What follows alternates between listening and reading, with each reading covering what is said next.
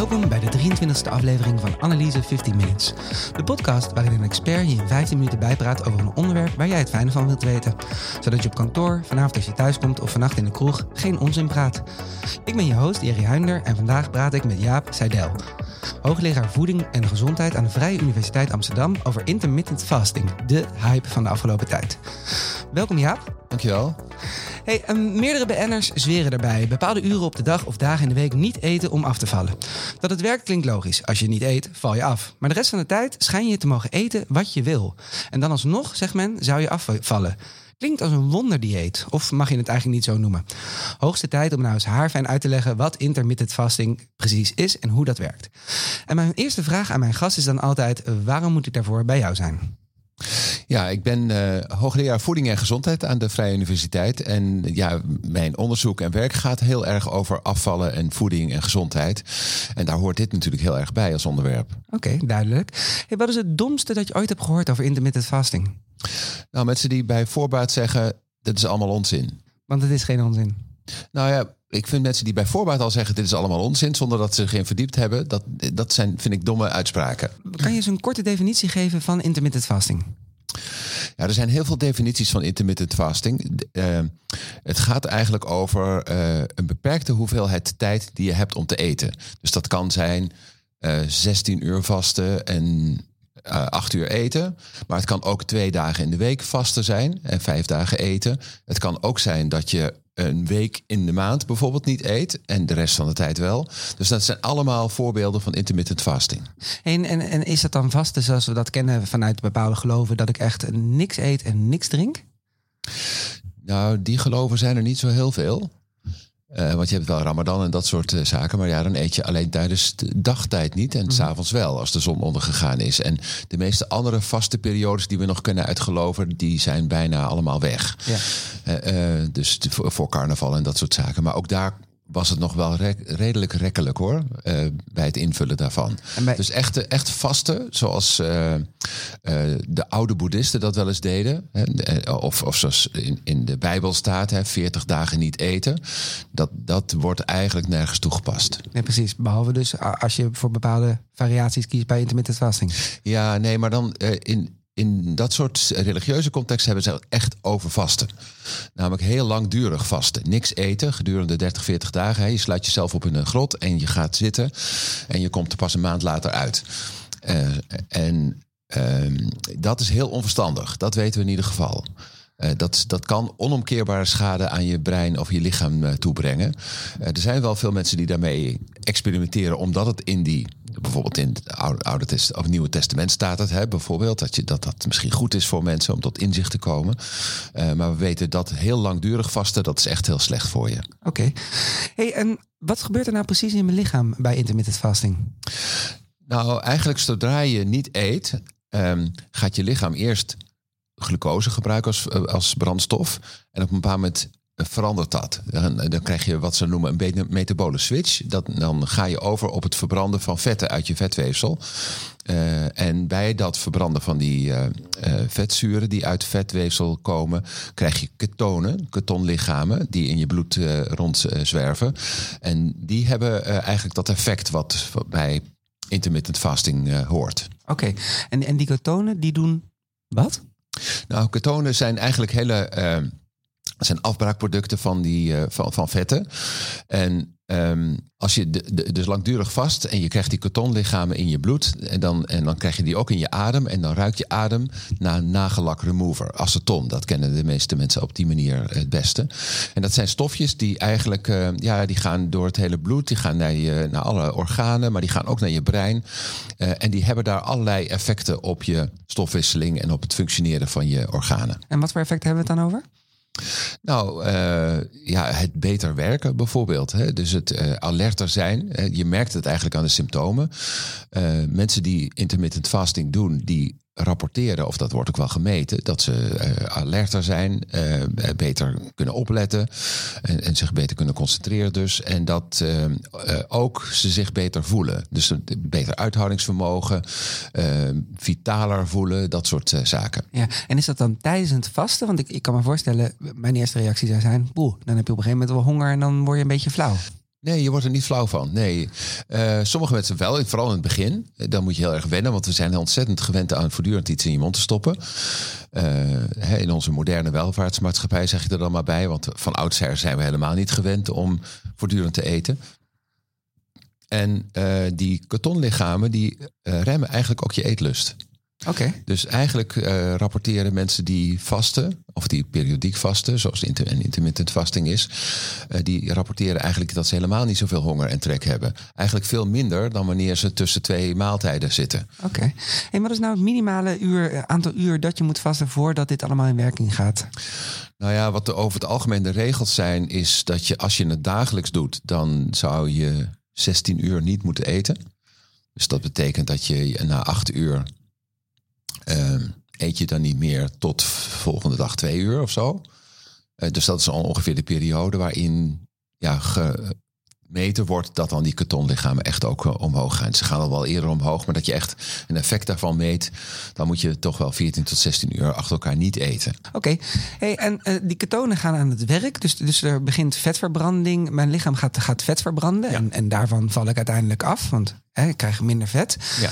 Gaat dat nou door op langere termijn? Stel, ik doe dat inderdaad dus vijf dagen en dan uh, daarna eet ik weer twee dagen, dan doe ik het nog een keer vijf dagen, ik eet het twee dagen en daarna ja. Ga ik gewoon weer eten? Nou, er zijn studies geweest en je moet eigenlijk dan op de lange termijn kijken, hè, van minstens zes maanden of een jaar of zo. Want ja, de, de eerste weken zie je wel een verschil, uh, omdat mensen gewoon minder eten. Maar na verloop van tijd zie je dat het gewichtsverlies tussen mensen die elke dag gewoon wat minder eten, maar nog op dezelfde frequentie, of die uh, uh, intermittent fasting doen, dat die eigenlijk niet heel veel meer gewicht verliezen. Dat scheelt niet zoveel. Uh, maar naast dat gewichtsverlies zie je eigenlijk ook wel dat die gezondheid wel verbetert. Beter verbetert op dat intermittent fasting. Dus dat wil zeggen, je, je, je lichaam wordt wat meer gevoelig voor insuline, wat goed is voor je, nou, het voorkomen van diabetes en zo. En um, ook de effecten op uh, bijvoorbeeld het geheugen, die blijven ook bestaan zonder dat er gewichtsverlies is. Met intermittent fasting? Ja. Ah, oké. Okay. En eigenlijk, want, want wat u zegt, het, eigenlijk valt of staat het allemaal bij minder eten? Nou, nee, dat is niet zo. Kijk, uiteindelijk zou je kunnen zeggen, je kan ook dezelfde hoeveelheid eten. En dat kun je doen in, uh, zeg maar, de hele dag door een beetje. Mm -hmm. Zoals we dat, uh, dat noemen we grazen eigenlijk, hè, zoals de meeste moderne mensen dat doen. Uh, of je kunt het heel erg beperken tot een maar een heel klein raampje in je dag. Mm -hmm. en ook als je mensen dan dezelfde hoeveelheid calorieën geeft, dan is dat intermittent fasting toch nog gunstig. Oké, okay, gunstiger dan... Gunstiger dan gewoon dooreten. Ja. Dus elke keer je lichaam belasten met, uh, met weer eten en weer verwerken daarvan enzovoorts. Of dat je je organen en je brein een tijdje rust uh, geeft. Dat schijnt toch wel effect te hebben. Dus een deel is natuurlijk gewoon waar. Als je bijvoorbeeld twee dagen niet eet, dan ga je niet uh, de vijf dagen dat nog weer inhalen. Mhm. Mm -hmm. Dan moet je heel veel meer gaan eten. Um, dus een deel van het afvaleffect zal zijn doordat je calorieën minder is. Maar het effect op, op je andere gezondheidsuitkomsten, zeg maar, zoals glucose en insuline en, en, en bloedvetten in je lever enzovoorts, dat heeft eigenlijk minder met dat afvallen te maken en meer met die ketonen. Ja, precies. Oké, okay, duidelijk. Um, dus het fabeltje, ik kan daarnaast eten wat ik wil, dat is een fabel. Nou ja, die, die instructie krijgen mensen wel, uh, maar ze doen het niet.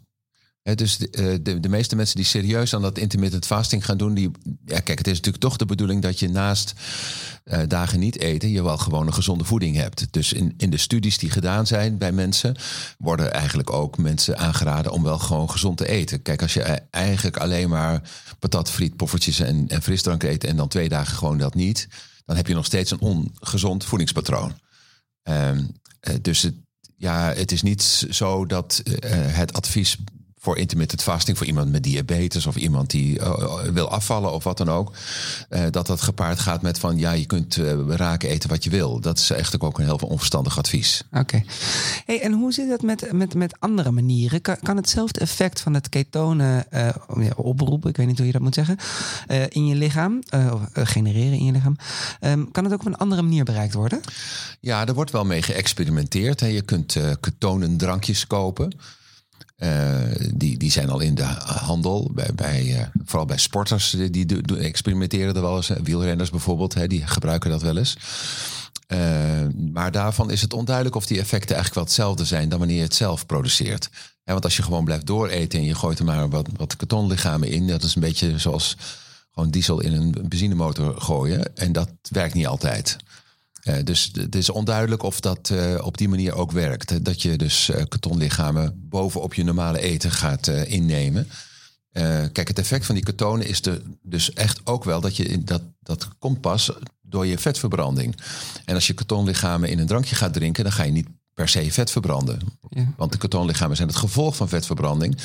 En eh, als je alleen de gevolgen gaat innemen, dan heb je daar niet de voordelen van. Ja, hey, en, en door sporten zelf, ik bedoel, uh, ik doe wel eens, ik fiets zelf ook. Ik, ik, ik sta wel eens op en dan fiets ik twee uur ja. zonder iets te eten. En dan eet ik pas daarna. Ja. Dat, dat, en dan doe ik lage intensiteit. Ja, sporten helpt natuurlijk uh, ook bij het genereren van die ketonlichamen. Want kijk, je lichaam gebruikt je glucosevoorraadje. En als je veel sport, dan gaat het eerder op. Uh, en dus moet je eerder overgaan op vetverbranding. Hè. Dat is wat sporters noemen de man met de hamer vaak. Hè. Dus dat overgaan van suikerverbranding naar vetverbranding. Dat is wat heel veel sporters uh, ervaren ook wanneer ze aan het sporten zijn en ze niet gegeten hebben. Ja. Wat zijn de nadelen van intermittent fasting? Zijn er criticasters die, die zeggen van joh, moet je niet doen, want? Ja, er zijn criticasters die uh, zeggen mensen kunnen dat niet volhouden. Dus waarom zou je dat dan, dan doen? Want een, ja, een tijdelijk effect heb je dan alleen maar. Uh, omdat ons, ons leven zo is ingesteld op voortdurend eten en consumeren. En voortdurend verleid wordt om weer wat te eten. En het is heel, wordt heel ongezellig als je dat dan niet doet. Uh, want dat betekent toch dat je je patroon moet veranderen. En dat betekent dat je niet mee aan het ontbijt zit en niet aan de lunch en dat soort zaken bij je gezin of, of op je werk. Um, en, veel mensen vinden het dus lastig om vol te houden. Dus dat zou je als nadeel kunnen uh, zien. Een ander nadeel wat je kan hebben is dat mensen denken dat het een vrijbrief is voor een ongezonde leefstijl.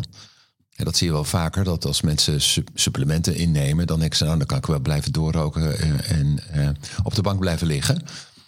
Um, en dat is natuurlijk ook niet waar. Hè? Dus dat het idee dat je een soort van ehm, ja, silver bullet eh, heet dat dan hebt. Waarbij je als je de rest niet doet, maar alleen dat intermittent fasting, dan komt het allemaal wel goed met je gezondheid. Dat is ook niet zo. Het hoort wel bij een gezonde leefstijl. Je moet ook voldoende slaap hebben. En uh, goed, gezond eten, voldoende beweging hebben en ontspannen. Uh, want als je dat niet doet, dan is dat intermittent fasting maar een heel klein onderdeeltje van je gezondheid. En, en als ik nou een gezonde leefstijl heb, zou je het dan aanraden? Zou je dan denken van nou, dat, dat is best verstandig om dat eens, eens in de zoveel tijd of, of eens in de week te doen? Ja, nou, ik zou het zeker aanraden om het eens uit te proberen. En uh, sommige mensen die bevalt dat heel erg goed en die blijven het dan doen. En andere mensen zeggen, ja, ik word dan s'morgens, ik kan helemaal niet gaan werken als ik geen koffie en geen geen ontbijt heb, dan ben ik helemaal niks waard. En ik heb dat uh, drie weken geprobeerd. Nou, dan moet je er gewoon mee stoppen. Want dan is het eigenlijk helemaal niks voor jou. Oké. Zou je uh, intermittent fasting voor bepaalde mensen afraden? Ja, nou, niet, niet, niet per se. Ik zou wel het overleggen als je bijvoorbeeld als je een ziekte hebt en je, uh, je hebt uh, bijvoorbeeld type 2 diabetes en je gaat zomaar uh, experimenteren met vasten en je gebruikt ook nog insuline, dan kun je problemen krijgen. Hè. Dus als je medicijnen inneemt ehm, die bijvoorbeeld je, je bloedsuiker verlagen, uh, en je gaat ook dat intermittent fasting doen, wat ook je bloedsuiker verlaagt. Uh, uh, en je injecteert ook nog insuline, ja, dan krijg je hypo's en zo. En dat, dan moet je heel goed opletten. Dus als je iets hebt, zoals medicatie of een chronische ziekte, zou ik het altijd overleggen met je huisarts of met je diëtist.